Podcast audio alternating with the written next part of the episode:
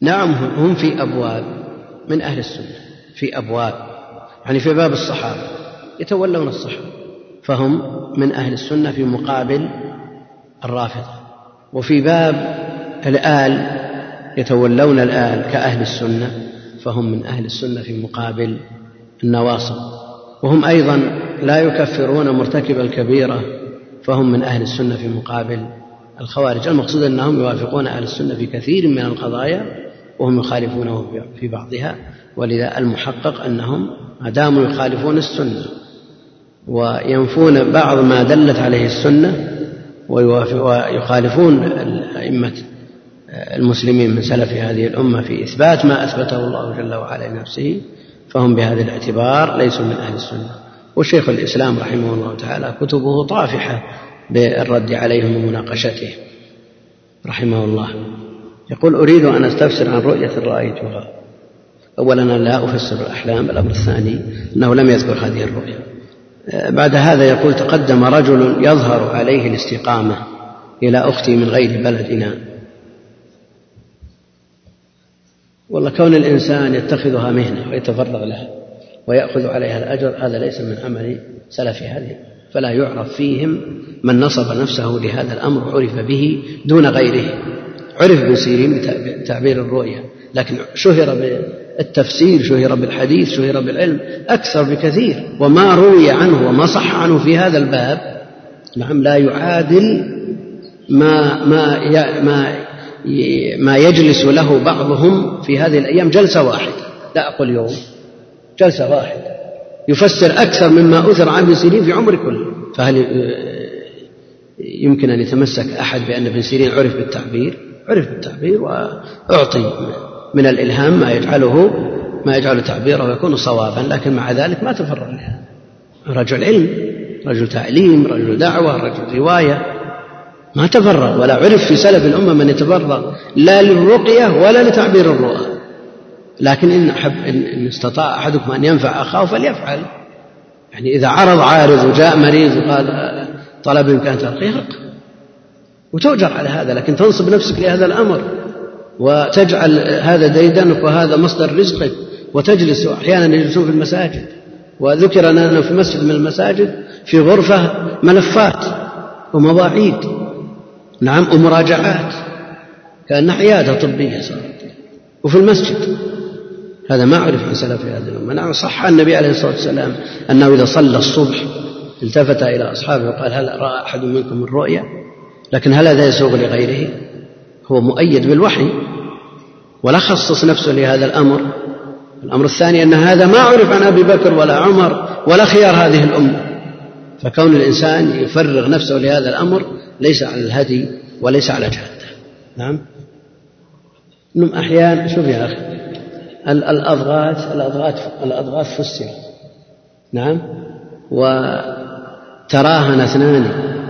على اختبار واحد من العابرين فكذبوا يعني ابتكروا رؤيا ما رأوها وسألوا واحد من العابرين عبرها. لهم يعني رؤيا مكذوبة وعبرت يقول تقدم رجل يظهر عليه الاستقامة إلى أختي من غير بلدنا فوافقنا عليه بعد أن أظهر لنا أنه حريص على أختي وأنه سيسعدها وأنه وأنه ثم يسر الله له ودخل بها الآن وله وله الآن شهران ولم يعطها أي درهم علما أن المتفق عليه كان ستة آلاف دولار.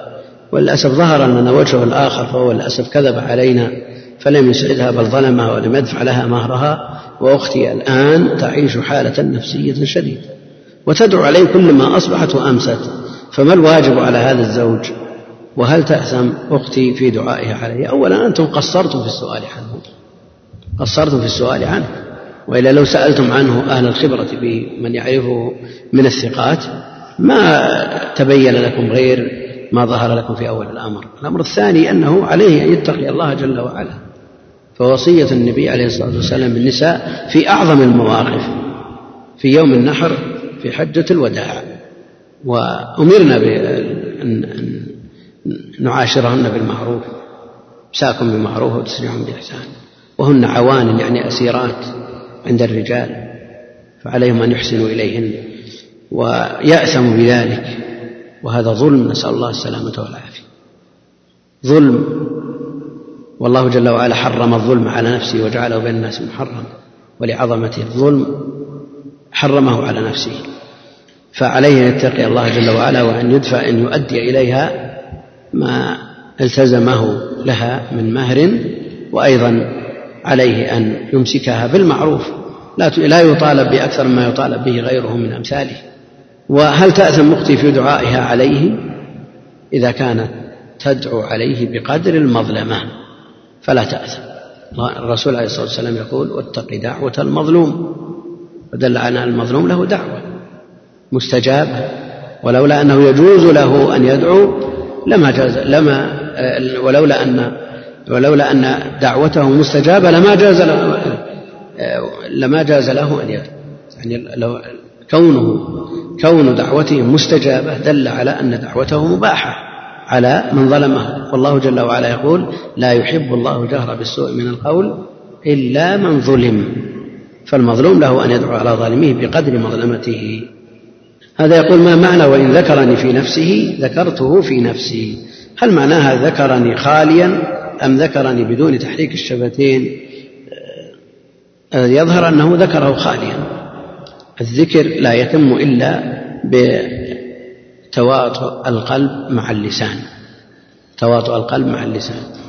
وإن خلى عن تحريك اللسان والشفتين صار فكر وتفكر وليس بذكر. ولذا قابل النبي عليه الصلاة والسلام في الحديث القدسي قابل وإن ذكرني في ملأ ذكرته في ملأ خير منه.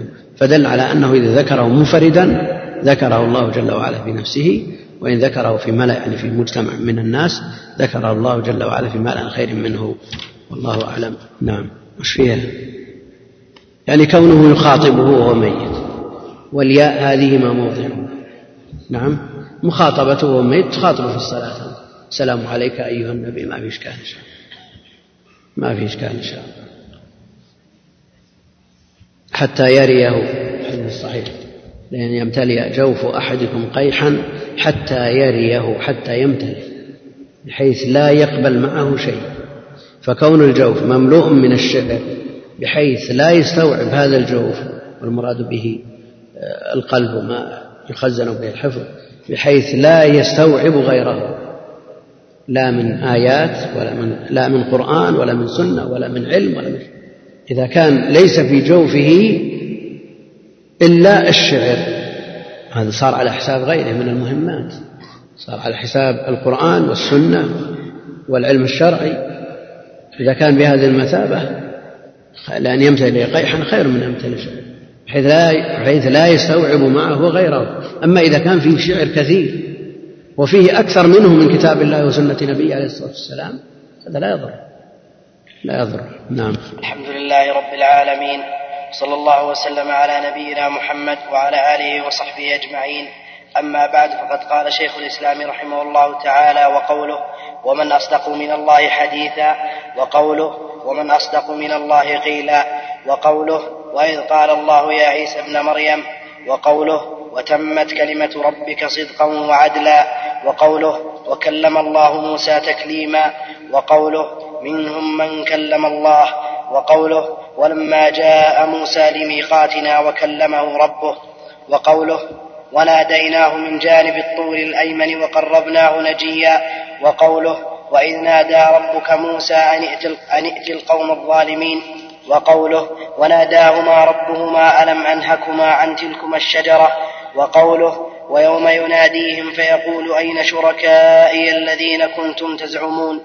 وقوله ويوم يناديهم فيقول ماذا أجبتم المرسلين؟ وقوله وإن أحد من المشركين استجارك فأجره حتى يسمع كلام الله. وقوله وقد كان فريق منهم يسمعون كلام الله ثم يحرفونه من بعد ما عقلوه وهم يعلمون. وقوله يريدون أن يبدلوا كلام الله قل لن تتبعوننا قل لن تتبعونا. وقوله واتل ما أوحي إليك من كتاب ربك لا مبدل, لا مبدل لكلماته. وقوله إن هذا القرآن يقص على بني إسرائيل. وقوله وهذا كتاب أنزلناه مبارك. الحمد لله رب العالمين وصلى الله وسلم وبارك على عبده ورسوله نبينا محمد وعلى آله وصحبه أجمعين. أما بعد فيقول المؤلف رحمه الله تعالى مثبتا صفة الكلام لله جل وعلا مستدلا بما جاء عنه في كتابه الكريم من الآيات لأن هذا الفصل موضوع للأدلة القرآنية التي أثبت الله بها لنفسه هذه الصفات المذكورة ومنها صفة الكلام. قال رحمه الله قوله من أصدق من الله حديثا ومن أصدق من الله قيلا. أي لا أحد أصدق من الله حديثا. ولا أحد أصدق من الله قيلا. فالحديث هو الكلام والقيل أيضا هو القول والقول هو الكلام. وإن كان القول أعم عند النحاة والقول أعم من الكلام عند النحاة لكنه هنا المراد به الكلام والحديث يراد به الكلام والحديث المراد به هنا كلام الله جل وعلا في كتابه المنزل على نبيه وعلى من قبله من الأنبياء فهو يعم كلام الله جل وعلا من القرآن وغيره مما أنزله النبي الله جل وعلا على رسله. وكذلك القيل والقول وهو الكلام المنزل على أنبياء الله صلوات الله وسلامه عليه. الحديث عند بعض الطوائف في غير هذا الموضوع. يقولون أن السنة سنة النبي عليه الصلاة والسلام يقال لها حديث. نعم يقال لها حديث. لكن هم يرون أن التسمية بحديث مقابلة للقرآن لأنه قديم. قالوا ما يضاف إلى النبي عليه الصلاة والسلام حديث ليكون مقابلا للقرآن الذي هو قديم. فالحديث ضد وإن شئت فقل نقيض القديم. فما دام القرآن عندهم قديم فالسنة حديث. هذا الكلام صحيح ولا ليس بصحيح؟ لماذا؟ نعم. لا لا الحديث حجة عندهم. وهم يقولون بهذا يقول الحديث حجة لكن تسمية حديث ليقابل القديم الذي هو القرآن. وهذا مبني على مذهب لا لا ما نقول هم يقولون قديم ما يكون حادث. إيه لكن ليش هم قالوا قديم وهذا حديث؟ نعم. كلامنا في كلام الله جل وعلا الذي هو القرآن. كلنا في مسألة محددة. الحديث عندنا آيتين. من أصدق من الله حديثا ومن أصدق من الله قيلا. نريد أن, أن نبطل كلامهم من الآيتين. الحديث يعني ما يتحدث به وهو الكلام. حديث ما يتحدث به وهو الكلام والقيل هو القول فهو الكلام انتهينا من هذا بالنسبة لما يضاف إلى الله جل وعلا. بالنسبة لما يضاف إلى النبي عليه الصلاة والسلام هو قوله وهو كلامه عليه الصلاة والسلام. وإن كان في الأصل هو وحي لأنه لا ينطق عن الهوى إن هو إلا وحي يوحى. لكن في التسمية هم قالوا أن ما يضاف إلى النبي عليه الصلاة والسلام يقال له حديث في مقابلة ما يضاف إلى الله جل وعلا لأنه قديم. هذا مبني على قول الأشاعرة في القرآن. ماذا يقولون؟ يقولون القرآن قديم. الله جل وعلا تكلم في الأزل ولا يتكلم بعد ذلك. خلاص تكلم وانتهى. فكلامه قديم وهو شيء واحد. تكلم وانتهى. إن كان بلغة كذا فهو كذا إن كان بلغة كذا فهو كذا إن كان بلغة فالكلام واحد. لكن إن عبر عنه بالعبرانية صار توراة بالسريانية يصير إنجيل بالعربية يصير قرآن ولا هو كلام واحد؟ لأنه قديم. أهل السنة يقولون قديم النوع كلام الله قديم النوع بلا شك لأن الله جل وعلا لم يزل متكلما. قديم النوع لكنه وإن كان قديم النوع إلا أنه حادث متجدد الآحاد لأنه جل وعلا يتكلم متى شاء إذا شاء فكلامه مربوط بمشيئته جل وعلا. أما عند الأشاعرة خلاص تكلم في الأزل ولا يتكلم غير مرتبط بالمشيئة فهو, فهو صفة ذاتية وليست صفة فعل صفة فعل. عرفنا كيف دخل عليهم الدخل؟ نعم. كلامهم أنه كلام واحد وإنما يختلف باختلاف اللغات يعني أصله واحد يختلف باختلاف اللغات. هل هذا الكلام له وجه؟ نعم. هل التوراة والإنجيل والقرآن متطابقة؟ يعني لو ترجمت التوراة إلى العربية صارت قرآن. لو ترجم الإنجيل إلى العربية صار قرآن على حد زعمهم أو العكس. يعني لو ترجمت تبت يدا أبي لهب وتب إلى العبرانية والسريانية. هل نجد لها نظير في التوراة والإنجيل؟ هل نجد لها لهذه السورة نظير في التوراة والإنجيل؟ ما يمكن. الأمر الثاني أن أول ما نزل القرآن على النبي عليه الصلاة والسلام في الغار وذهب النبي عليه الصلاة والسلام به ترجف بوادره يرجف فؤاده ترجف بوادره جمع بادرة وهي اللحمة التي بين المنكب والعنق من الخوف وعرض ذلك على خديجة وخديجة عرضت على ورقة بن نوفل وكان قد تدين بالديانات السابقة اليهودية والنصرانية وكان يقرأ الكتاب العبراني ويترجمه إلى العربية والعكس من العربية إلى السريانية ومن ترجم باللغات لأنه عرف هذه الكتب وعرف اللغات. لما سمع ما أنزل على النبي عليه الصلاة والسلام اقرأ. باسم ربك الذي خلق. قال هل قال هذا الكلام الذي أنزل على موسى أو قال هذا الناموس الذي نزل على موسى. الناموس اللي هو جبريل عليه السلام. ما قال إن هذا القرآن هو الذي نزل على موسى. ولا في مقتضى ذلك أن يقول هذا عندي ها أنا مترجمه عندي مترجم من التوراة والإنجيل. هل يتصور مثل هذا؟ يعني كان ما يستغرب ولا ولا يكون كلام جديد عنده. يقول هذا معروف. ولمن ولا انتشر هذا القرآن قبل نزوله على النبي عليه الصلاة والسلام بين العرب لأنه يوجد من يقرأ التوراة ومن يقرأ الإنجيل ويترجم كورقة. والوقائع والحوادث والواقع يرد هذا الكلام ويجعله لا أساس له ولا حظ له من النظر البتة. يعني وإن قال به ناس من الكبار من الأذكياء من العقلاء من لكن العقل ماذا ينفع إذا تجرد عن الاتباع والتسليم؟ هم ذكروا أقوال استندوا فيها إلى عقولهم ولم يسلموا لما جاء عن الله جل وعلا بل حكموا عقولهم في النصوص ثم ألزموا بلوازم ثم التزموها ووصلوا إلى هذا الحد. لأن إذا لزمت اللوازم فإما أن فإما أن يرجع صاحب القول أو يلتزم باللازم. فقول أهل السنة في كلام الله جل وعلا أنه كلامه وقوله حقيقة بحرف وصوت قديم النوع متجدد الآحاد. فالله جل وعلا تكلم في الأزل ويتكلم متى شاء إذا شاء وكيف شاء. هذا قوله بحرف وصوت. والأشاعرة يقولون المراد بالكلام المذكور في النصوص هو الكلام النفسي. يتلقاه جبريل من معدنه ويعبر به بأي لغة تناسب القوم الذين نزل عليهم وهو واحد. ويستدلون بكلام أو ببيت شعر للأخطل. ومعروف أن الأخطل نصراني. والنصارى ظلوا في هذه الصفة. في صفة الكلام. إن الكلام لفي الفؤاد وإنما جعل الفؤاد على اللسان دليلا. ها؟ على الفؤاد دليلا وإنما جعل اللسان على الفؤاد دليلا. إن الكلام لفي الفؤاد يعني أصله ومنبعه من الفؤاد واللسان يعبر عنه.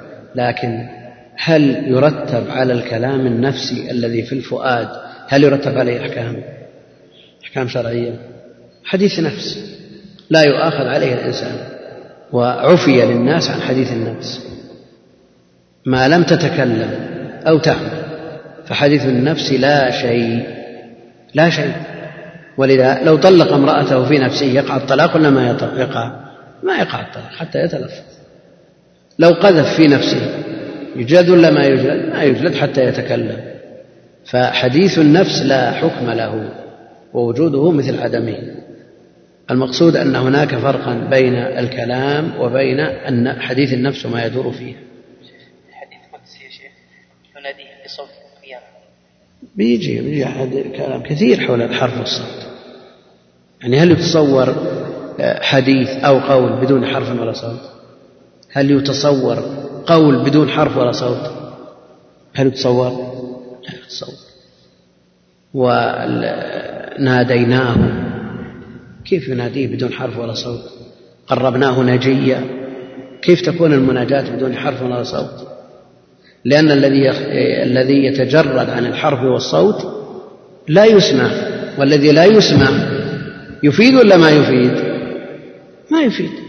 ولذا صار للسمع الأثر الكبير وصار نعمة من الله جل وعلا لأنه يفاد من ورائه ما يسمع. أما إذا كان الكلام لا يسمع فليس بكلام ولا ينتفع به آه، المقابل المراد المقصود بالكلام.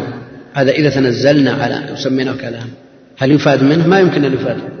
يعني كلم الله موسى تكليما كلمه ربه كلام نفسي ما يسمع ليس بحرف ولا صوت. كيف يستجيب موسى؟ وكيف يأمر قومه أن يعملوا بما أمر به من خلال هذا الكلام وهو ليس بحرف ولا صوت. والنداء بالصوت المرتفع والمناجاة بالصوت المنخفض بحيث لا يسمعه إلا من قرب منه. إشارة؟ إيه. يا أخي الإشارة المفهمة حكمها حكم الكلام. الإشارة المفهمة. قل نعمة السمع. الذي تسمع به الأصوات أعظم من نعمة البصر. كما قرر ذلك أهل العلم والآيات تدل على ذلك لأن السمع مقدم على البصر في النصوص. كان الله سميعا بصيرا وهو السميع البصير. فيقدم السمع على البصر لماذا؟ لأنه يدرك الأصوات. لكن إذا كان خلقة لا يدرك أصم هذا يفوته خير عظيم. قام ما يقوم مقام الكلام بالنسبة له من الإشارات المفهمة. فانتفعوا. انتفعوا صاروا في حكم من يسمع. وهذه نعمة من الله جل وعلا بالنسبة لهذه الفئة. وإلا فالأصل أن من لا يسمع أو الكلام الذي لا يسمع لا قيمة له. والله جل وعلا لا يتصور أن يكلف العباد من خلال وجراء كلام لا يسمع. كيف يفهمون وهم لا يسمعون؟ إذا لم يكن الكلام بالحرف والصوت. كيف يفهمون؟ وإذا لم يفهموا كيف يعملون؟ هذا كلام في غاية الفساد والبطلان. نعم. كيف؟ الهام كل شخص بذاته يلهم الأحكام ويلهم الرسل الرسل الوحي على أنحاء. الوحي كما جاء في الحديث الصحيح كيف يأتيك الوحي؟ فقال أحيانا يأتيني مثل صلصلة الجرس. أصوات متداركة فيلقى في روعه يفهم عليه الصلاة والسلام. يعني هذا الشيء لا تدركه عقولنا لكن الذين يعملون في البرقيات مثلا. صار الأمر قريب لهم من بعض الأصوات المتداركة يفهم منها شيء. فهذا نوع من الوحي. وأحيانا يلقى في روعه عليه الصلاة والسلام من غير كلام لكن هذا خاص بالرسل. وأحيانا يأتيه الملك يتمثل له الملك رجلا وهذا هو الكثير الغالب. يقول في الحديث يناديهم بصوت يسمعه من بعد كما يسمعه من قرب. على كل حال الأحاديث كثيرة في الباب والباب. الذي يلي هذا الباب كله فيما ورد من السنة لهذه الصفات.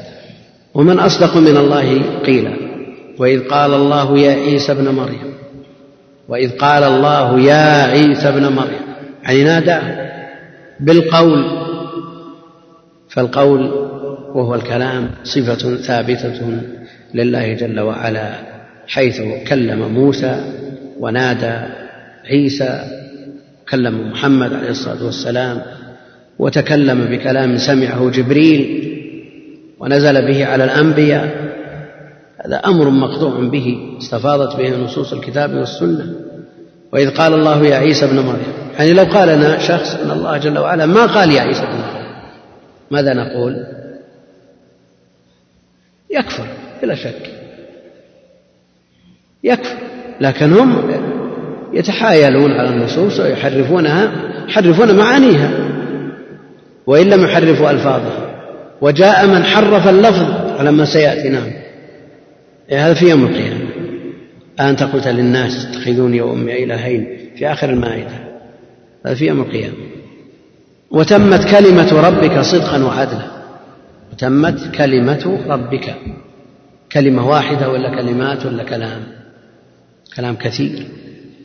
قل لو كان البحر مدادا لكلمات ربي لنفد البحر قبل أن تنفذ كلمات ربي. والكلمة هنا مفردة لكنها أضيفت أضيفت إلى معرفة فتفيد العموم تفيد العموم. وتمت كلمة ربك صدقا وعدلا وكلم الله موسى تكليما. فاعل كلم هو الله جل وعلا وموسى مفعول لأنه مكلم وتكليما تأكيد. نعم تأكيد وأهل العلم يقولون التأكيد ينفي المجاز. كلم الله موسى تكليما. جاء من يحرف ويقول كلم الله موسى تكليما. فجعل المتكلم هو موسى والمكلم هو الله جل وعلا تكليما. وقلنا إن التكليم مصدر كلم وهو مصدر مؤكد لفعله والتأكيد ينفي إرادة المجاز حتى عند من يقول بالمجاز لأنهم حينما يقولون كلم يعني جرحه كما يقولون بأظافير الحكمة من الكلم وهو الجرح لكن هذا هذا هو المعنى الحقيقي للتكليم والكلام. لا ليس المعنى الحقيقي. فقوله تكليما رد لقولهم. وتحريف اللفظ من الناحية الإعرابية كلم الله موسى تعلمون الرب جل وعلا هو المكلم وموسى هو المكلم والمتكلم هذا يرد عليه بقوله جل وعلا وكلمه ربه. هذه تحتمل ولا ما تحتمل؟ ما تحتمل. يعني لو قال ربه يستقيم الكلام ولا ما يستقيم؟ ما يستقيم. لأن الهاء تمنع. الهاء مفعول لا محالة. الهاء مفعول لا محالة. والرب هو الفاعل ولا يمكن تحريفها كما أمكن تحريف الآية السابقة على حد زعم من حرفها. منهم من كلم الله. منهم من كلم الله. تلك الرسل فضلنا بعضهم على بعض. منهم من كلم الله. لفظ الجلالة إعرابها نعم فاعل لأن الكلام المباشر دون واسطة لم يحصل للجميع إنما حصل لبعضهم فمن هذه تبعيضية. من هؤلاء الأنبياء من كلمه الله جل وعلا والمفعول ضمير يعود على من؟ والفاعل هو الله جل وعلا. ولما جاء موسى لميقاتنا وكلمه ربه كلمه ربه. هذه لا تحتمل. ما احتملته الأولى من التحريف على حد زعم من حرفه وإلا فالقراءة الثابتة السبعية الواجب اعتبارها. بهذا اللفظ كلم الله موسى تكليما. ولما جاء موسى لميقاتنا الميقات مدته أربعون يوما. ولما جاء موسى لميقاتنا وكلمه ربه الشاهد هنا حيث أثبت الكلام لله جل وعلا أثبت الكلام لنفسه جل وعلا. وناديناه من جانب الطور الأيمن. وناديناه من جانب الطور الأيمن وقربناه نجيا. ناديناه بصوت مرتفع ثم لما قرب ناجاه الله جل وعلا لأن النداء هذه طبيعته أن الصوت المرتفع بخلاف المناجاة التي هي الصوت المنخفض. وإذ نادى ربك موسى أن ائت القوم الظالمين. وإذ نادى ربك موسى نعم. وناديناهم من جانب الطور الأيمن. كيف؟ الأيمن في في سورة طه. نعم. جانب الطور؟ لا إيه الأيمن للجانب. الأيمن الوصف هنا الوصف هنا ليس للطور ليكون مجرورا على كل حال. هنا من جانب الأيمن وهناك جانب الطور الأيمن تابع لجانب. وقربناه نجيا وإذ نادى ربك موسى وإذ نادى ربك موسى. وهذا النداء بكلام مسموع بحرف وصوت سمعه موسى وامتثل عليه وعلى نبينا أفضل الصلاة والسلام. أن ائت القوم الظالمين لأنه لو لم يكن بصوت ولا حرف لا ما تم امتثاله ولما ذهب إلى فرعون ودعاه إلى الدين القويم وناداهما ربهما الله جل وعلا نادى آدم وحواء ألم قائلا لهما ألم أنهكما عن تلكما الشجرة؟ ألم أقل لكما ألم أنهكما عن تلكما الشجرة؟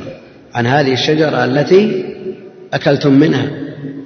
فتقدم التحذير والنهي عن الأكل قبله. وهذا يدل على أنه كلمهما وناداهما بحرف وصوت سمعاه لكن حصلت المخالفة لأن الشيطان وسوس لهما.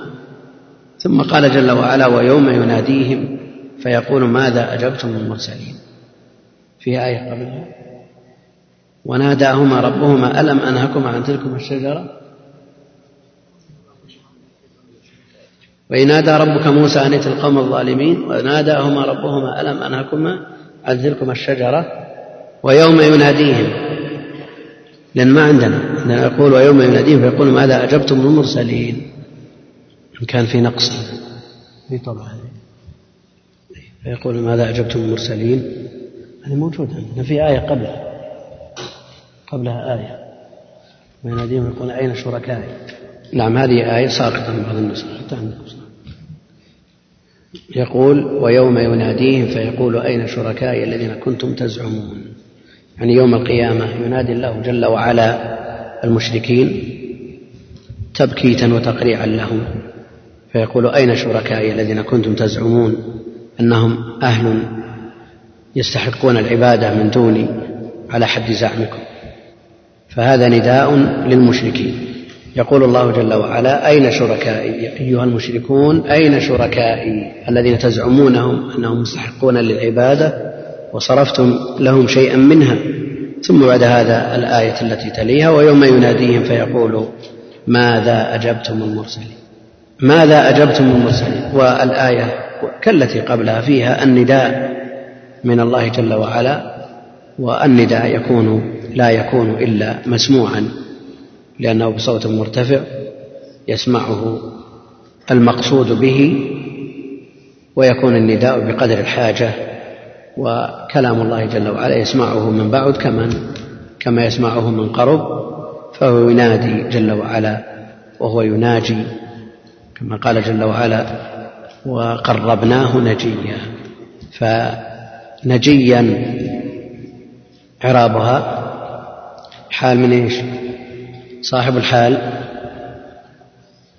نجي فعيل بمعنى مناجي أو مناجى ها نجي فعيل. فهل هي بمعنى المفعول أو بمعنى الفاعل؟ مناجي أو مناجى وإذا قلنا مناجى فهي حال من الضمير المفعول قربناه. حال كونه مناجى وإذا قلنا مناجي فهي حال من الفاعل. وهي وهو النون فاعل قربناه وعلى كل حال هذا هذه المناجاة من الله جل وعلا ولذا أثبتت في صفاته جل وعلا و ويوم يناديهم كما في الآية التي قبلها النداء لا يكون إلا بحرف وصوت يسمعه المقصود به فيقول ماذا أجبتم المرسلين وفي هذا إثبات الكلام لله جل وعلا على ما يليق بجلاله وعظمته. ثم بعد ذلك بعد إثبات صفة الكلام الصفة العامة يأتي الكلام في الخاص في الكلام الخاص وهو القرآن. في آيات ذكرها الشيخ رحمه الله تعالى والكلام في صفة الكلام. وفي القرآن يطول يمكن يستغرق ثلاثة دروس أو, أو أكثر. إذا بنبسط المذاهب إن شاء الله تعالى وننظر في كلام أهل العلم. ونترك الكلام في القرآن للدرس القادم إن شاء الله تعالى. يقول وكلم الله موسى تكريما التأكيد ينفي المجاز على كلام أهل اللغة. فهل يعني ذلك أن القرآن فيه مجاز وما هو الصحيح في هذه ذكرنا في درس في شرح إيش؟ الزمزمية. وأطلنا في مسألة المجاز وقلنا أنه لا مجاز. لا في النصوص ولا في لغة العرب على القول المحقق الذي اختاره شيخ الإسلام وابن القيم وأهل التحقيق. وأما كونهم يقولون هذا ينفي المجاز يعني عند من يقول به حتى على سبيل التنزل عند الخصم الذي يرى أنه مجاز ينتفي المجاز بالتأكيد. ويقول إذا قلت جاء زيد احتمال أن يكون جاء أهله جاء أمره جاء خبره جاء شيء يتعلق به. وإذا قلت جاء زيد نفسه أو عينه ما يحتمل مجاز أبدا. هذا يقول ابن القيم عن بيت الأخطر استوى بشر على العراق ودليل في ذاك بيت قاله فيما يقال الأخطر النصراني يا قوم قد غلط النصارى قبل في معنى الكلام واهتدوا وما اهتدوا لبيانه ولأجل لا جعلوا المسيح. سيأتي في كلام القيم لكن ليس في قول ليس في قوله قد استوى بشر. ليس في هذا ليس المراد قوله قد استوى بشر لا. المراد به إن الكلام لفي الفؤاد وإنما جعل اللسان على الفؤاد دليلا هذا يقول غدا آه، يسمى يوم الزهور البدعي الذي سيكون فيه اختلاط الرجال بالنساء وبعض المنكرات في شارع الحرب. ما حكم هذا اليوم؟ وما رأيكم بمن سماه البدعي؟ إذا كان يتكرر ويعود في كل سنة في مثل غد فهو يسمى عيد وهو أيضا بدعة يجب إنكاره.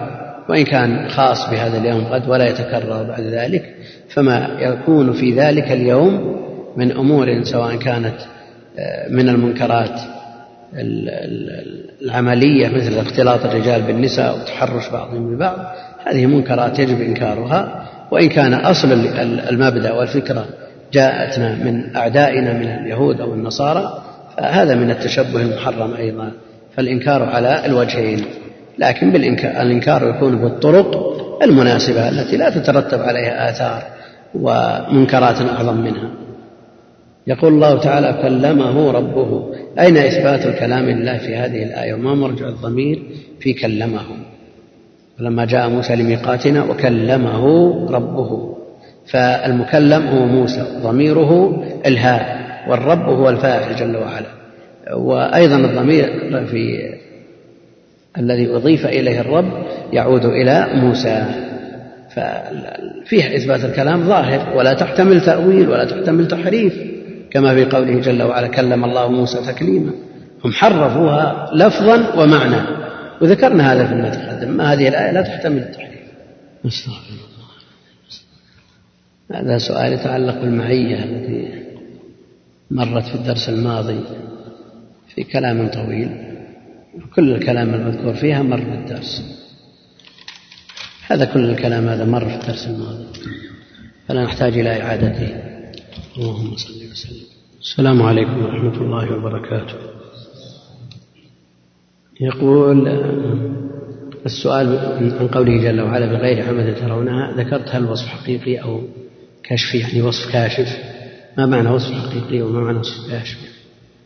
يكون إذا قلنا حقيقي قلنا أن ترونها وصف لعمد. وإذا قلنا أن له حقيقي وله مفهوم أن هناك حمد لكنها لا ترى.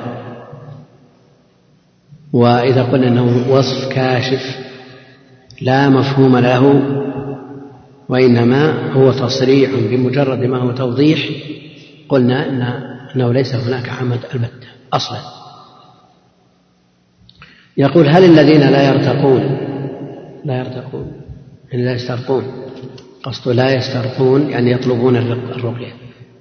ولا يكتوون على ربهم يتوكلون يظلهم الله في ظله يوم لا ظل إلا ظله. هذا خلط أن يدخلون في حديث السابع. والوعد المرتب على هذا أنهم يدخلون الجنة بغير حساب ولا عذاب. يدخلون الجنة بغير حساب ولا عذاب.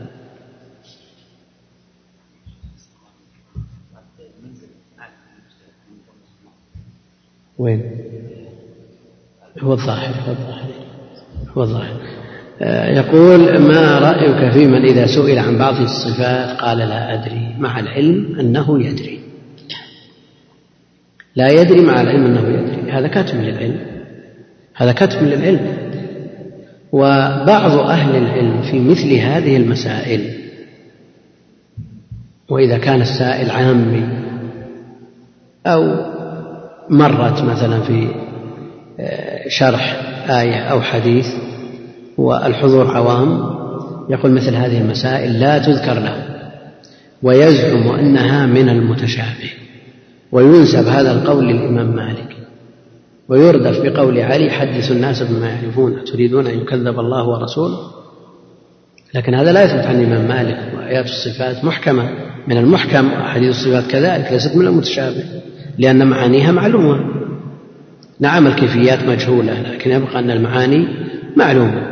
وإذا خشي من أحد أن يضل بسبب عدم فهمه ما يقال مثل هذا يكتم عنه يحجب عنه بعض العلم سواء كان في هذا الباب أو في غيره. يقول هل نظمت العقيدة الواسطية؟ نعم نظمت. وناظمها شخص يقال له الشيخ عبد الله بن عدوان من أهل نجد متأخر يعني بعد الألف ونظمه جيد. في تعليقات الشيخ بن مانع مقتطفات من نظمه ذكرنا بعضها فيما تقدم. يقول هل إذا ذكرنا أسماء الله وصفاته أو صفاته يجوز لنا يجوز لنا أن نشير إلى آذاننا وعيوننا بأيدينا؟ نعم ما ورد فيه الدليل يجوز ولا يتعدى ذلك.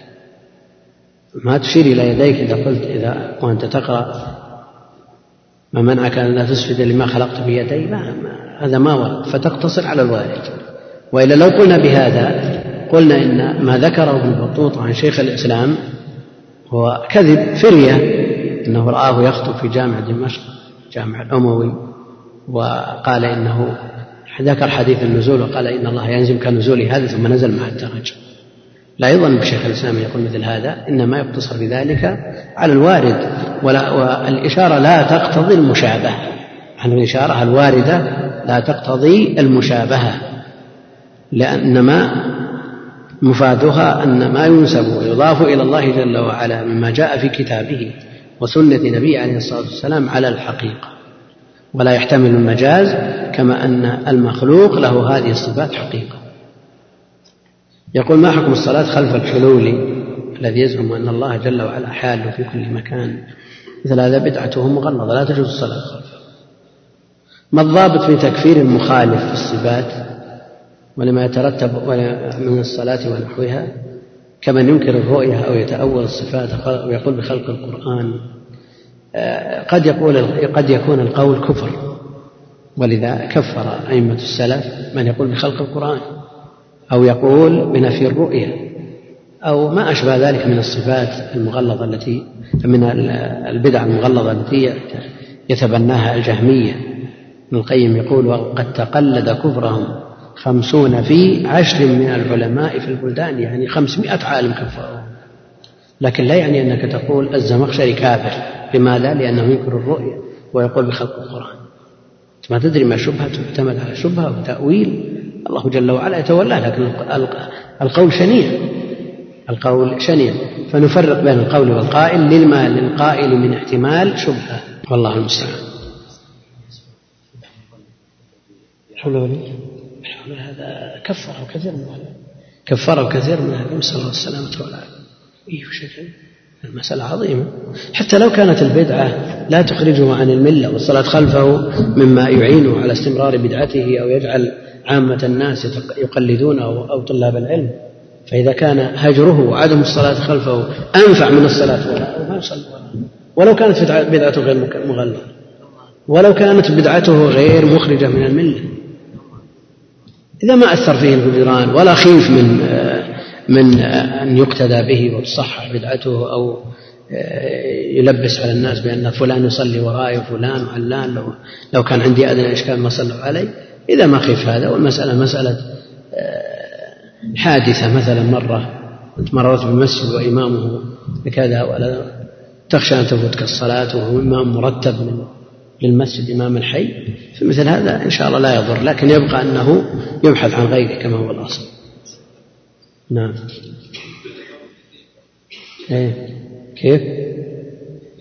كفر العين إذا ارتكب الإنسان مكفرا ولم يذكر شبهة أو ذكر شبهة أجيب عنها نعم. أجيب عنها. بجواب يزيلها ويجتثها. أو كان مع ذلك إصرار ومعاندة أو مع ذلك التزام بلازم. مكفر. وإذا آه، وجدت هذه الأمور فلا مانع من تكفيره بعينه. نعم. يكفره أي عالم لكن الأحكام المرتبة على الكفر من تطليق زوجته وعدم التوارث والحكم بردته. الأحكام المرتبة لا بد لها من لا لا لا لا لا لا لا ما يترك العبرة المسألة مسألة تحتاج إلى عالم يتصور المسألة من جميع وجوهها لا لا يتصور أيضا وضع الناس وأحوالهم. لا لا كل إنسان له ما يخصه من حكم. ولذلك الإمام المجدد رحمه الله لما سئل عن قوم يطوفون بالقبور قال كفر. كفره وسأله ناس سئل عنه ناس آخرين نفس السؤال. وقال لا. يكفر هل يستطيع طالب علم أن يفعل مثل هذا؟ قال هذا تناقض. لكن الشيخ رحمة الله عليه نظر إلى حال هؤلاء وعلم أن الحجة قد قد بلغتهم بأجلى صورها. هذا ما لهم عذر والآخرون ما بلغتهم الحجة أو صار عندهم مانع من فهمها. لا أقول من قبولها وإلا قد يوجد المانع من الفهم. وقد يوجد المانع من القبول لأن الناس يتفاوتون. بعض الناس يفهم الكلام لينذركم به ومن بلغ. خلاص هذا يكفيه هذا يكفيه والناس بعد أن استمر بهم طال بهم الزمان واختلطوا بغيرهم يعني فرق بين أبي جهل ونظرائه الذين لما قيل لهم قولوا لا إله إلا الله قالوا أجعل الآلهة إلها واحدا؟ يعني يفهمون. لكن عندك الآن في من, من مئات السنين. يطوفون على قبورهم يقولون لا يكررون لا إله إلا هذا لا يفهم هذا. فالذي لا يفهم الحجة يفهم. لا سيما إذا كان آه، عدم فهمه شديد بحيث يقرب من الأعاجم الذين لا يفهمون الكلام العربي. مثل هذا تشرح وتوضح لهم الحجة. ويرد على الشبه إن كانت لكن هناك شيء يقال له مانع من قبول الحجة تأتي له بالدليل من الكتاب والسنة ويفهم. ويقول والله كلامك حق. لكن مع ذلك ثقته بشيوخه منعت من قبوله الحق. لأن الثقة بالشيوخ وتقليد الأكابر معضلة هذه عند عند الناس. تغلف القلب عن قبول الحق. فيقول مثل ما تثق أنت بابن باز وابن عثيمين وفلان وعلان أنا عندي شيوخ أثق بهم أنا من طلعت وأشوف عموم الناس الوالد والجد والعم والخال والشيخ فلان وعلان كلهم يعظمون هذا الرجل. فهو معظم عندي أنا هذا التعظيم ما يمكن تزيله أنت بجلسة وأنت عندك شيخك وعلى العين والرأس شيخكم تعظمونه ولكن عندنا شيوخ. هذا مانع من قبول الحجة فإذا فهم الحجة لا يلتفت إلى هذا المعنى. قرأت إلى وين؟ هذا كتاب أنزلناه طيب. آه، في قول بسم الله الرحمن الرحيم الحمد لله رب العالمين وصلى الله وسلم وبارك على عبده ورسوله نبينا محمد وعلى آله وصحبه أجمعين. اما بعد فيقول المؤلف رحمه الله تعالى وإن أحد من المشركين استجارك فأجره حتى يسمع كلام الله. وإن أحد من المشركين هذه شرطية. وأحد عند البصريين فاعل لفعل محذوف يفسره المذكور وإن استجارك أحد من المشركين. ومن والكوفيين يقولون فاعل مقدم لاستجارك المذكورة ولا أحتاج إلى تقدير. كل هذا سببه أن أدوات الشرط لا يليها إلا الفعل فلا بد من تقدير فعل. وهذا جاء في النصوص بكثرة جاء في النصوص بكثرة وعلى كل حال هذه مذاهب النحاة في مثل هذا. ومنهم من يقول الشيخ علي الطنطاوي في مذكراته يقول ما دام جاء بكثرة في النصوص وفي كلام العرب ما الذي يمنع من أن قاعدة مضطردة؟ وأن الاسم يلي آه، الشرط. فلا نحتاج إلى تقدير لكنه قول لم يسبق إليه ما قال به أئمة النحاة من المتقدمين. ما أعرف أحدا سبقه إليه. وإن أحد من المشركين استجارك يعني طلب جوارك طلب جوارك فأجره. يعني استأمنك فأمنه. استأمنك فأمنه إلى غاية وهي حتى يسمع كلام الله. والخطاب للنبي صلى الله عليه وسلم استجارك. حتى يسمع كلام الله المنزل عليك والمراد به القرآن. فالقرآن كلام الله. القرآن كلام الله. ثبت في الدرس الماضي بالأدلة التي ذكرها شيخ الإسلام من القرآن الكلام في الجملة كلام الله في الجملة في القرآن وفي غيره. لكن هنا خاص بالقرآن خاص بالقرآن وأنه كلام الله. فبدأ بالكلام العام الذي تناول القرآن وغير القرآن ثم ثنى بالكلام الخاص الذي هو القرآن. فالقرآن كلام الله حتى يسمع كلام الله. هذه هي الغاية التي يؤمن فيها مثل هذا المشرك. وقد كان فريق منهم يسمعون كلام الله ثم يحرفونه من بعد ما عقلوه وهم يعلمون. كان فريق ممن؟ من اليهود. يسمعون كلام الله. المراد بكلام الله هنا القرآن والتوراة. شيخ الإسلام لما جعل الآية هنا بعد الآية الأولى كأنه يقصد القرآن رحمه الله. ولا شك أنه احتمال وارد قائم لكن هم بالفعل إنما حرفوا التوراة. قد كان فريق منهم يسمعون كلام الله ثم يحرفونه من بعد ما عقلوه وهم يعلمون. من بعد ما عقلوا قد كان فريق نذروا أنفسهم لهذا الأمر يحرفون كلام الله لفظا ومعنى لفظا ومعنى. يعني قد يوجد في هذه الأمة من يحرف لكن هل يستطيع أن يحرف اللفظ؟ قد يستطيع أن يحرف المعنى. ألم يقل بعضهم وكلم الله موسى تكليما؟ هذا تحريف؟ نعم. لفظي يترتب عليه التحريف لكن هل يستطيع أن يتصرف بالحروف؟ لا يستطيع أن يتصرف بالحروف هل يستطيع أن يحرف وكلمه ربه.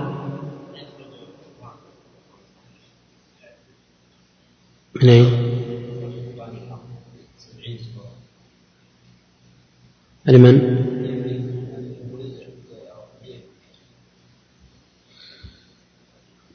يعني كون هناك فرق تدعي مثلا نقص القرآن مثلا نقص أو تزيد فيه بعض السور. أو شيء من هذا لكن يبقى أن القرآن محفوظ. يبقى أن القرآن محفوظ مصون من الزيادة والنقصان. إنا نحن نزلنا الذكر وإنا له لحافظون. وذكرنا في مناسبات قصة يحيى ابن أكثم مع اليهودي الذي دعاه يحيى القاضي إلى الإسلام فامتنع لمدة سنة. وعلى رأس سنة من المناقشة جاء فأعلن إسلامه. وقال له يحيى القاضي ما الذي جعلك تتأخر سنة؟ لو اخترمتك المنية أثناء هذه السنة فما مصير؟ قال انتظرت سنة. قال ماذا صنعت خلال هذه السنة؟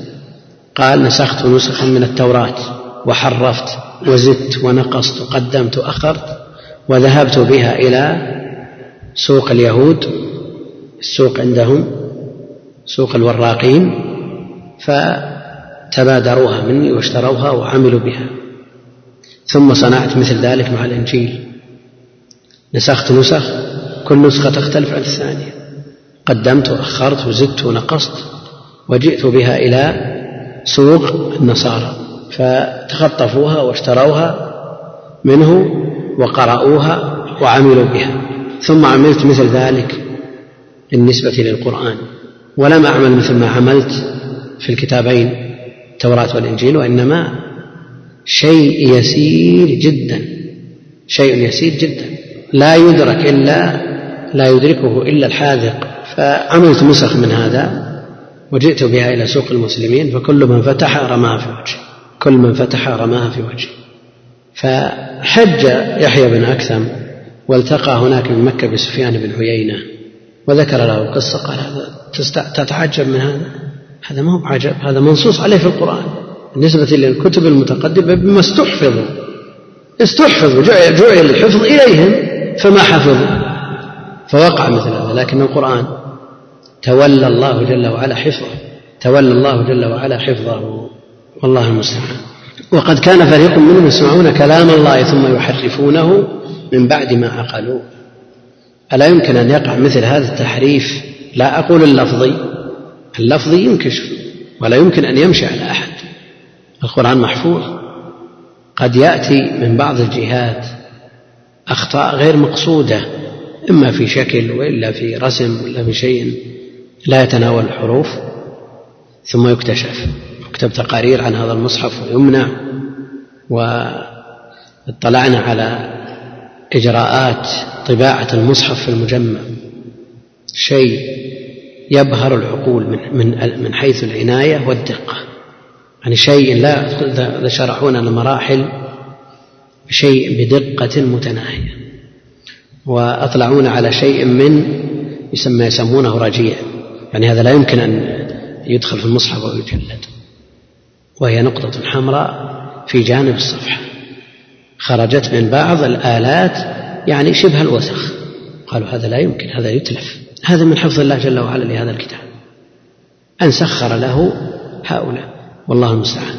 وقد كان فريق من منهم يسمعون كلام الله. أقول هل يمكن أن يوجد من يحرف كلام الله بالنسبة لهذه الأمة؟ أما بالنسبة لللفظ فلا. فلا. ولذا نجد من يحرف في الغالب أو الذي يغلب على الظن أنه ليس من هذه الأمة. لأن القرآن محفوظ ومسموع. وجد بعض الطوائف المنتسبة إلى الإسلام حرفت. لكن بدعتهم نسأل الله السلامة والعافية. مغلظة كفرهم من كفرهم ثم يحرفون التحريف المعنوي التحريف المعنوي وهذا قد يحصل. حصل من المبتدع أن حرفوا المعاني. حصل ممن يبيع دينه بعرض من الدنيا. حصل منهم شيء من التحريف المعنوي. ولو أعناق النصوص لتأتي على مرادهم من أجل الارتزاق فهذا حصل. لكن مثل هذا لا يلبث أن يكشف والحق أبلج ما يمشي على ولا على عامة الناس. وذكر ابن القيم رحمه الله أن الخسف يكثر في آخر هذه الأمة ويكون في طائفتين من الناس. وذكر من الطائفتين من العلماء الذين يحرفون النصوص. نسأل الله السلامة والعافية.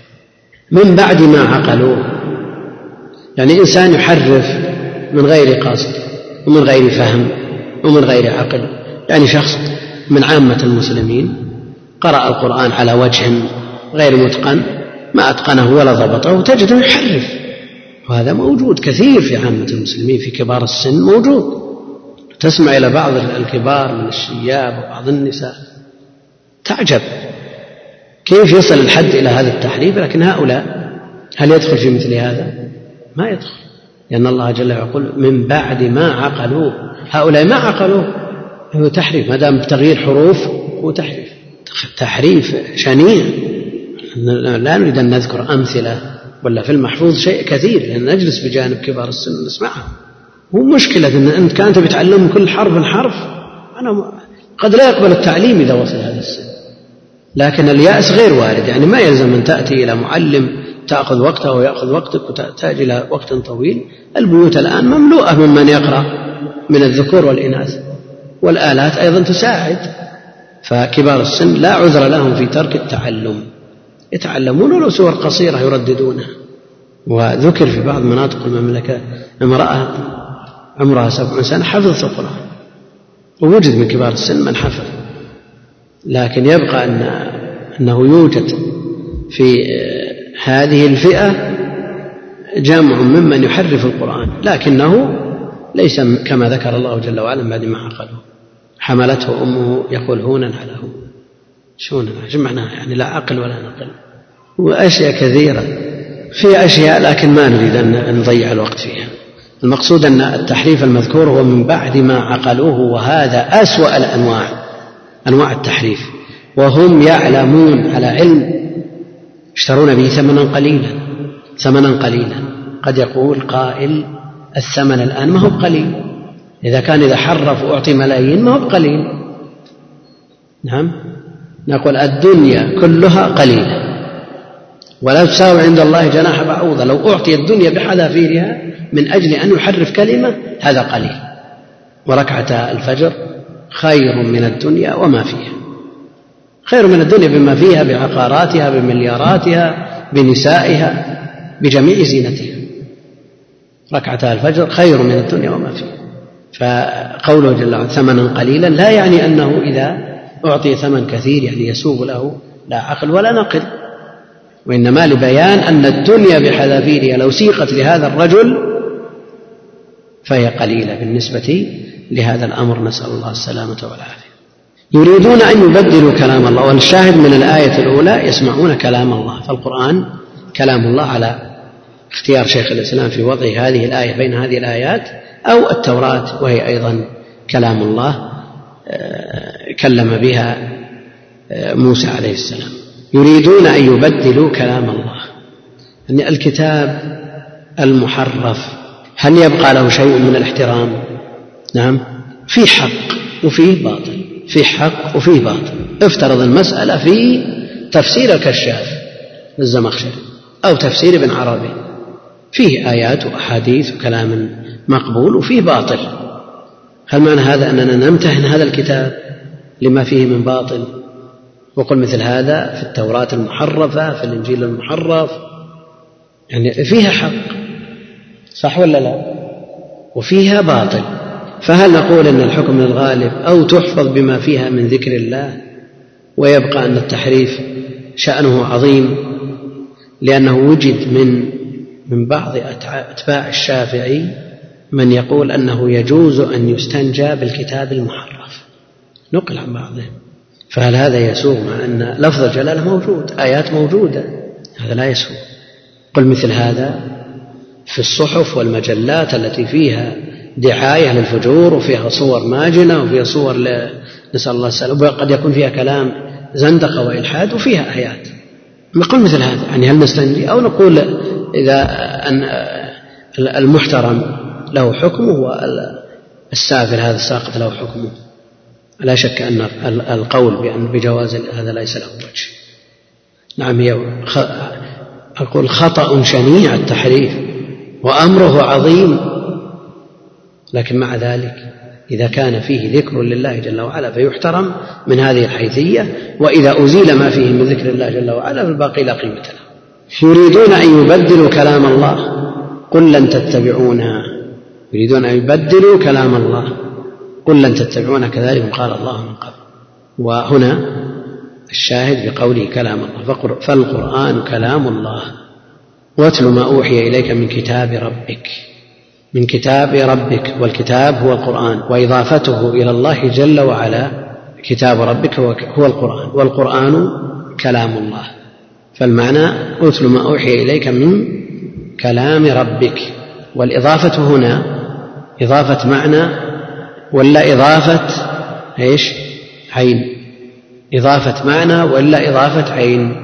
إذا قلنا اتل ما أوحي إليك من كلام ربك فالكلام معنى. فهو صفة من صفات الله جل وعلا. وإذا قلنا أتل ما أوحي إليك من كتاب ربك المصحف القائم المحفوظ بين الدفتين أتله وهو ما أوحي إليك. هل هذا إضافة عين ولا إضافة معنى؟ نقول هذا المصحف وهذا ما بين الدفتين فيه ما هو معنى وفيه ما هو عين. فالقرآن الذي هو كلام الله معنى والجلد والورق عين. نعم. ولذا يقول الناظم رحمه الله تعالى يقول ابن القيم نقلا عن القحطاني في نونيته. يقول ولقد أتى في نظمه من قال قول الحق غير جبان إن الذي هو في المصاحف مثبت بأنامل الأشياخ والشبان وهو قول ربنا هو قول ربنا كله لا بعضه ومدادنا الحبر والرق مخلوقان. يعني الورق والجلد. وما أشبه ذلك. المداد الحبر كلها مخلوقة. لكن يبقى أن الكلام كلام الباري جل وعلا فهو صفة من صفاته. ولا يلتبس الأمر لأنه قد يقول قائل أتل ما أوحي لك من كتاب ربك. العلماء يقررون أنه إذا كان المضاف معنى فهو غير مخلوق وإذا كان عين فهو مخلوق. والكتاب كتاب ربك المصحف. والمصحف عين قائم بذاته. نقول لا المصحف عبارة عن كلام الله جل وعلا وما جعل ظرفا لهذا الكلام من المداد الحبر والورق والجلد وغير هذه أمور لا تلتبس بها. ويبقى كلام الله جل وعلا منزل منه جل وعلا غير مخلوق منه بدأ وإليه يعود. واتل ما أوحي إليك من كتاب ربك لا مبدل لكلماته. لا مبدل لكلماته. وإذا بدلنا آية ما ننسخ من آية أو ننسها نأتي بخير منها. فالتبديل من جهته جل وعلا حاصل. منصوص عليه. إذا بدلنا آية مكان آية. فالتبديل من جهته جل وعلا حاصل. لكن التبديل من غيره هو المنفي هنا. لا مبدل لكلماته يعني سواه جل وعلا. والكلمات إن كانت كونية فلن تتبدل البتة لأنها أمور مقضية ومفروغ منها. لكن إن كانت كلماته الشرعية التي بها الأوامر والنواهي فالله جل وعلا يبدل. ولذا يقول أهل العلم أن النسخ لا يدخل الأخبار وإنما يدخل الأحكام والله جل وعلا ينسخ ويبدل. لا مبدل لكلماته فالقرآن كلمات الله جل وعلا ولا مبدل له. إن هذا القرآن يقص على بني إسرائيل أكثر الذي هم فيه يختلفون. إن هذا القرآن يقص على بني إسرائيل أكثر الذي هم فيه يختلفون. إيش معنى يقص؟ نعم. هل هو من القصص؟ يعني أنه يذكر قصص قد يختلفون يختلف بنو إسرائيل في قصة نوح مثلا. يختلفون في قصة نوح مثلا. ثم هذا القرآن يقص عليهم أكثر الذي هم فيه يختلفون. وهل قص القرآن علينا جميع أخبار الماضين؟ أو ما نحتاج إليه من أخبارهم مما يثبت به الفؤاد ومما يعتبر به لقد كان في قصصهم عبرة لأولي الألباب. نعم قص علينا ما يفيدنا وما يثبتنا وما يجعلنا نعتبر به من أحوال الماضين لأن القوم قد مضوا. ليس المسألة مسألة تاريخ مجرد سرد حوادث تاريخية أو متعة وأنس كما في قصص المخلوقين.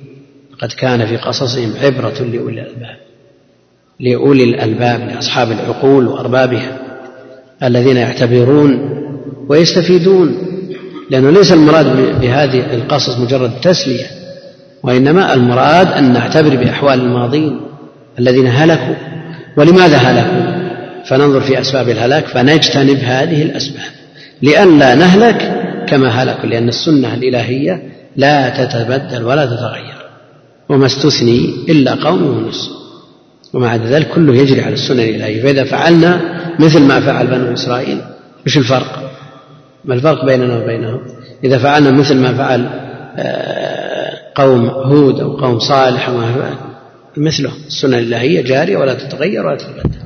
لقد كان في قصصهم عبرة لأولي الألباب فليس المقصود من ذكر هذه القصص مجرد التحدث بها وإنما هو الاعتبار. ولذا يذكر عن عمر رضي الله تعالى عنه مضى القوم ولم يرد به سوانا. مضى القوم ولم يرد به سوانا. ثم بعد ذلك ذكر الشيخ رحمه الله تعالى الآيات التي تبين أن القرآن منزل من عند الله جل وعلا. كلامه هو الذي تكلم به بحرف وصوت يسمع ونزل من عند الله جل وعلا نزل به الملك الموكل به إلى نبيه عليه الصلاة والسلام. وهذا كتاب أنزلناه مبارك. هذا كتاب أنزلناه مبارك. فالقرآن منزل غير مخلوق.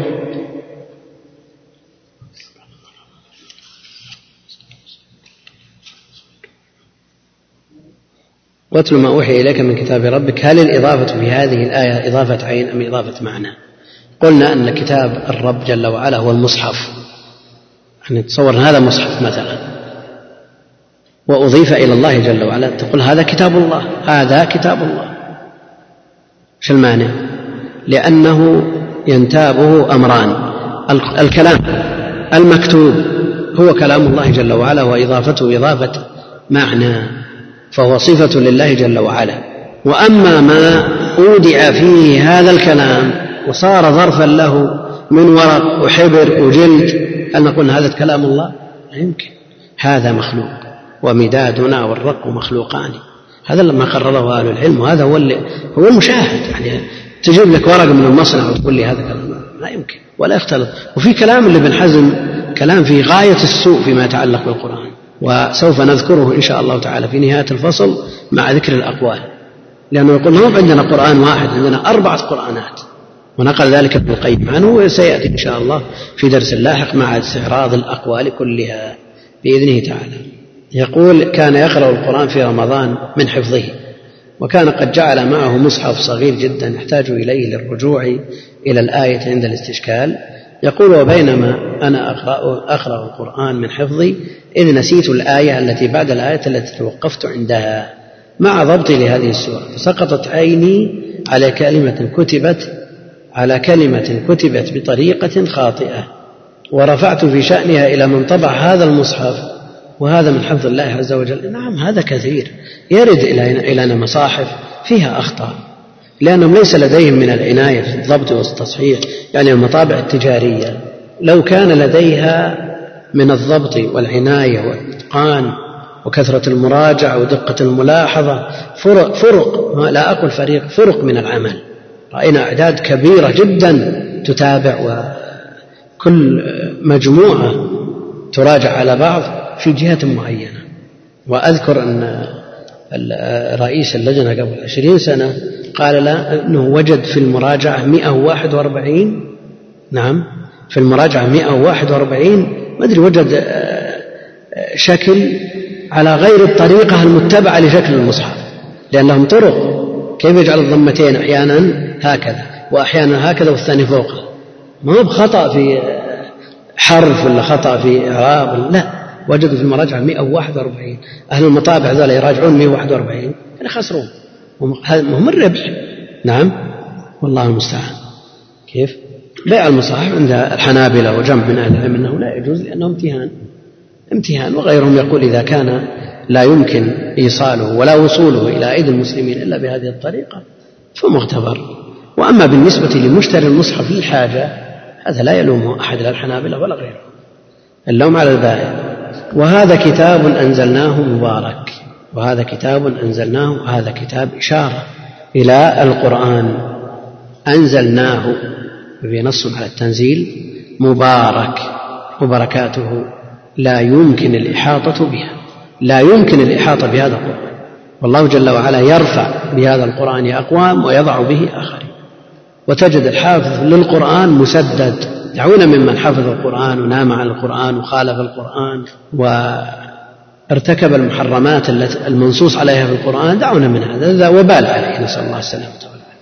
لكن من حفظ القرآن واعتنى بالقرآن البركات عليه ظاهرة وتجده موفق يعني في دراسته تسهل عليه جميع العلوم. هذا مجرد. ومن بركته أنه يورث من العلم والإيمان والطمأنينة القلب ما لا يدرك إلا من من عانى لا سيما إذا قرئ على الوجه المأمور به. ولو لم يكن يعني أقل ما في قراءة القرآن أجر الحروف. كل حرف عشر حسنات. والقرآن أكثر من ثلاثمائة ألف حرف.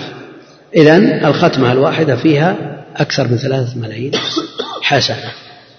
أكثر من ثلاثة ملايين حسنة.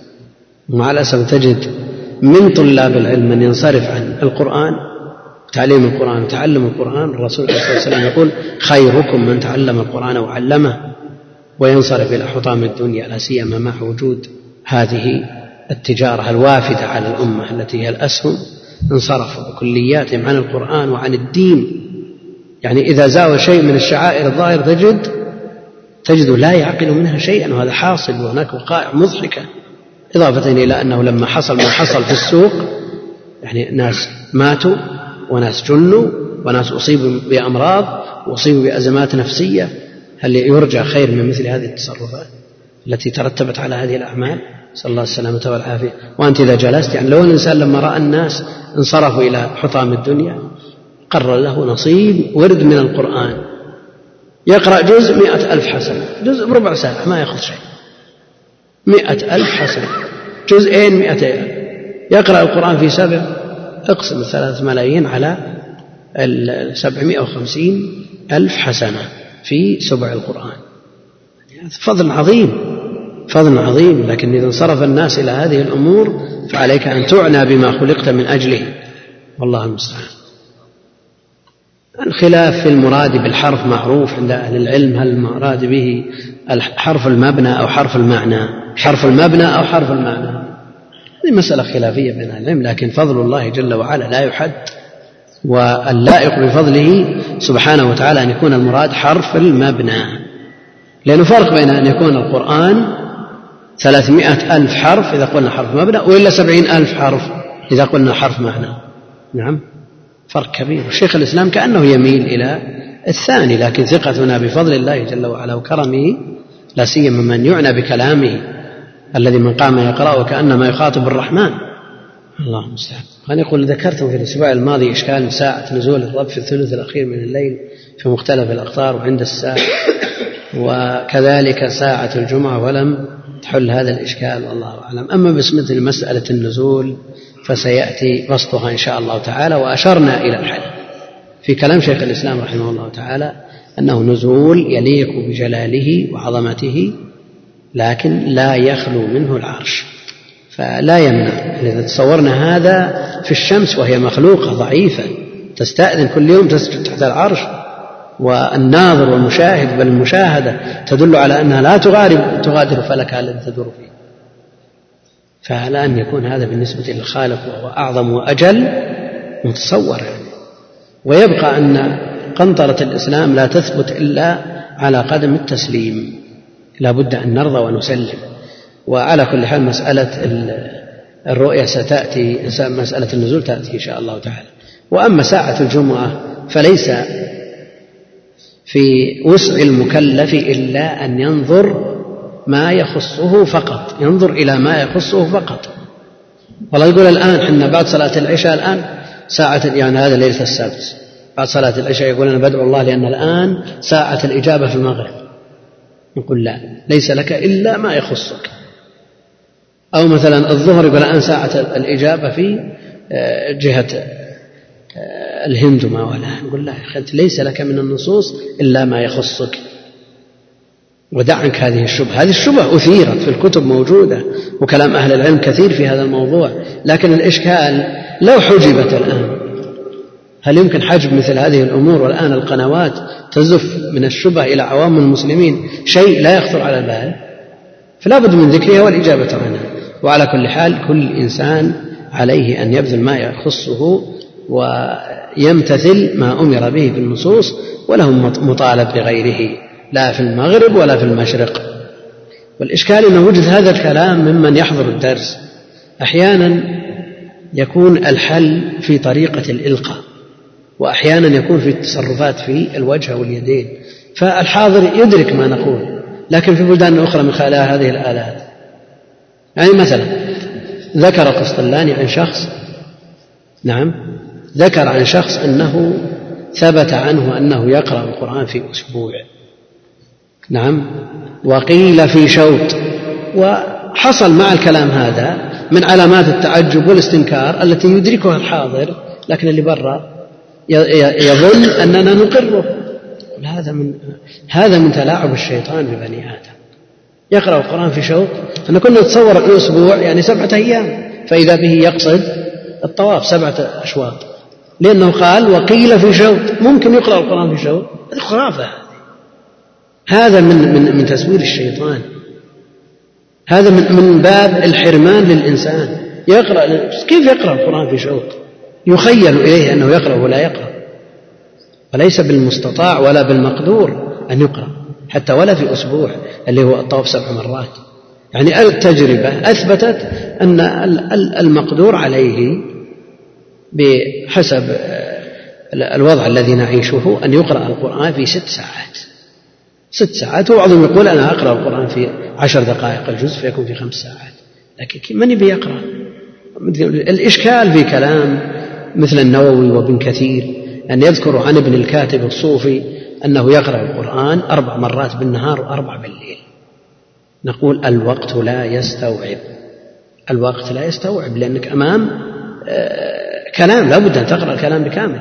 نعم بعض الناس من يتعود على القراءة بحيث يكون يمسح مسح ضوئي. هذا يمسح ينفع في كتب البشر لكن ما يرتب عليه أجر بالنسبة للقرآن لأن القراءة المراد بها اللفظ. تضافر القلب مع اللسان وهذا لا يمكن لأن بعض من تعود على القراءة ونعرف واحد صار آه، وكان متعود على قراءة كتب العلم ومسحة ثم تولى وظيفة كبرى في الدولة يقول كانت المعاملات تأتينا بالدوسيات الكبار ويكفيني أبدا مجرد التصفر وأستوعبها ما أنت مطالب في هذه المعاملات أن تقرأ حرف حرف تعرف الفكرة وينتهي الإشكال لكن بالنسبة لكلام الله جل وعلا أنت مطالب تقرأ حرف حرف ليترتب على هذا الحرف أجر. فمن مسألة مسألة التصفح هناك دعاوى من بعض الصوفية يقول أنه يمكن أن يقرأ مجلد وهو في فراشه ينتظر النوم هل سمعنا من يقول هذا؟ هل هذا ممكن؟ لا يمكن إطلاقا أخي هذا الضحك على النفوس. إلا إذا كان بإعانة شياطين وما أشبه ذلك مع أن الشيطان لا يمكن أن يمكنه من قراءة. قد يسول إليه أنه يقرأ لكن ما يمكن. يعني مثل البرمجة العصبية لأن يقولون بإمكانك أن تقرأ الكتاب بلحظة إذا ما صار عندنا فرق إطلاقا بين الحقائق وبين السحر وبين التمويه والشعوذة كل شيء موقع لبس بين الحق والباطل يمنع. ولو كان في أصله حق ولو قالوا مهارة لو قالوا خفة ما يوافقون على هذا أبدا. يقرأ القرآن بلحظة بشوط الكلام هذا خرافة. هذا أما القرآن الذي بين أيدينا المحفوظ بين الدفتين فهو قراءته التي رتب عليها الحروف لا بد أن تكون بالحرف بفصل كل حرف من غيره. حتى بعض الناس وهو يقرأ يأكل بعض الحروف. بعض الناس وهو يقرأ تسمعونه. آه، يدرج بعض الحروف في بعض. تسمعون بعض الناس يصلي ويسلم على النبي عليه الصلاة والسلام. وش يقول؟ يأكل ثلاثة أرباع الحروف. يترتب عليها أجر ما يترتب عليها أجر. مثل هذا ما يترتب عليه أجر. فالمسألة لا بد من العناية في هذا الشأن وقراءة القرآن تكون على الوجه المأمور به. وأما من أراد مجرد أجر الحروف ولو قرأه على أقل من الوجه المطلوب واستغل الوقت بالقراءة لا يلام وقد حصل عن ذكر عن بعض السلف. نعم. بركعة بركعة وش المانع؟ يركع ست ساعات ممكن يقف ست ساعات. يقفون ترى. لأن الذي يقف يتعامل مع الرب جل وعلا القلب ما هو بالرجلين ولا ولا البدن. اللهم صل وسلم وبارك على عبدك ورسولك محمد وعلى آله وصحبه أجمعين. السلام عليكم ورحمة الله وبركاته. هذا يسأل يقول ما معنى قديم النوع؟ متجدد الآحاد. قديم النوع إن الله جل وعلا لم يزل متكلما في القدم في الأزل وأنه جل وعلا بالنسبة لأحاده هذا نوعه قديم في الأزل. وما زال يتكلم متى شاء وإذا شاء. فآحاد الكلام متجدد بمعنى أنه يتكلم بمشيئته وإرادته. فنوعه قديم تكلم في الأزل ثم إنه جل وعلا لا يزال متكلما متى شاء إذا شاء. فالنوع قديم والآحاد يعني أفراد الكلام متجددة يعني أنه يتكلم يتكلم في الأزل ويتكلم في الماضي والحاضر والمستقبل متى شاء؟ إذا شاء. يقول هل يقال عن القرآن قيل الله حديث الله؟ نعم إذا القيل هو القول. من أصدق من الله قيلا يعني قولا. فالقرآن قول الله وقيل الله. وحديث الله الله نزل أحسن الحديث كتابا متشابه والقرآن يقال له حديث من هذه الحيثية. فهو حديث الله يعني أن الله هو المتحدث به والمتكلم به. يقول ما رأيك في مسألة الأولياء والكرامات ونبش قبورهم أو زيارتها إما هذا ولا هذا؟ نبش نبش قبورهم. أما مسألة الأولياء فالحديث الصحيح من عادى لي وليا القدسي من عادى لي وليا والأدلة من نصوص الكتاب والسنة تدل على أن على أن المؤمنين أولياء الله.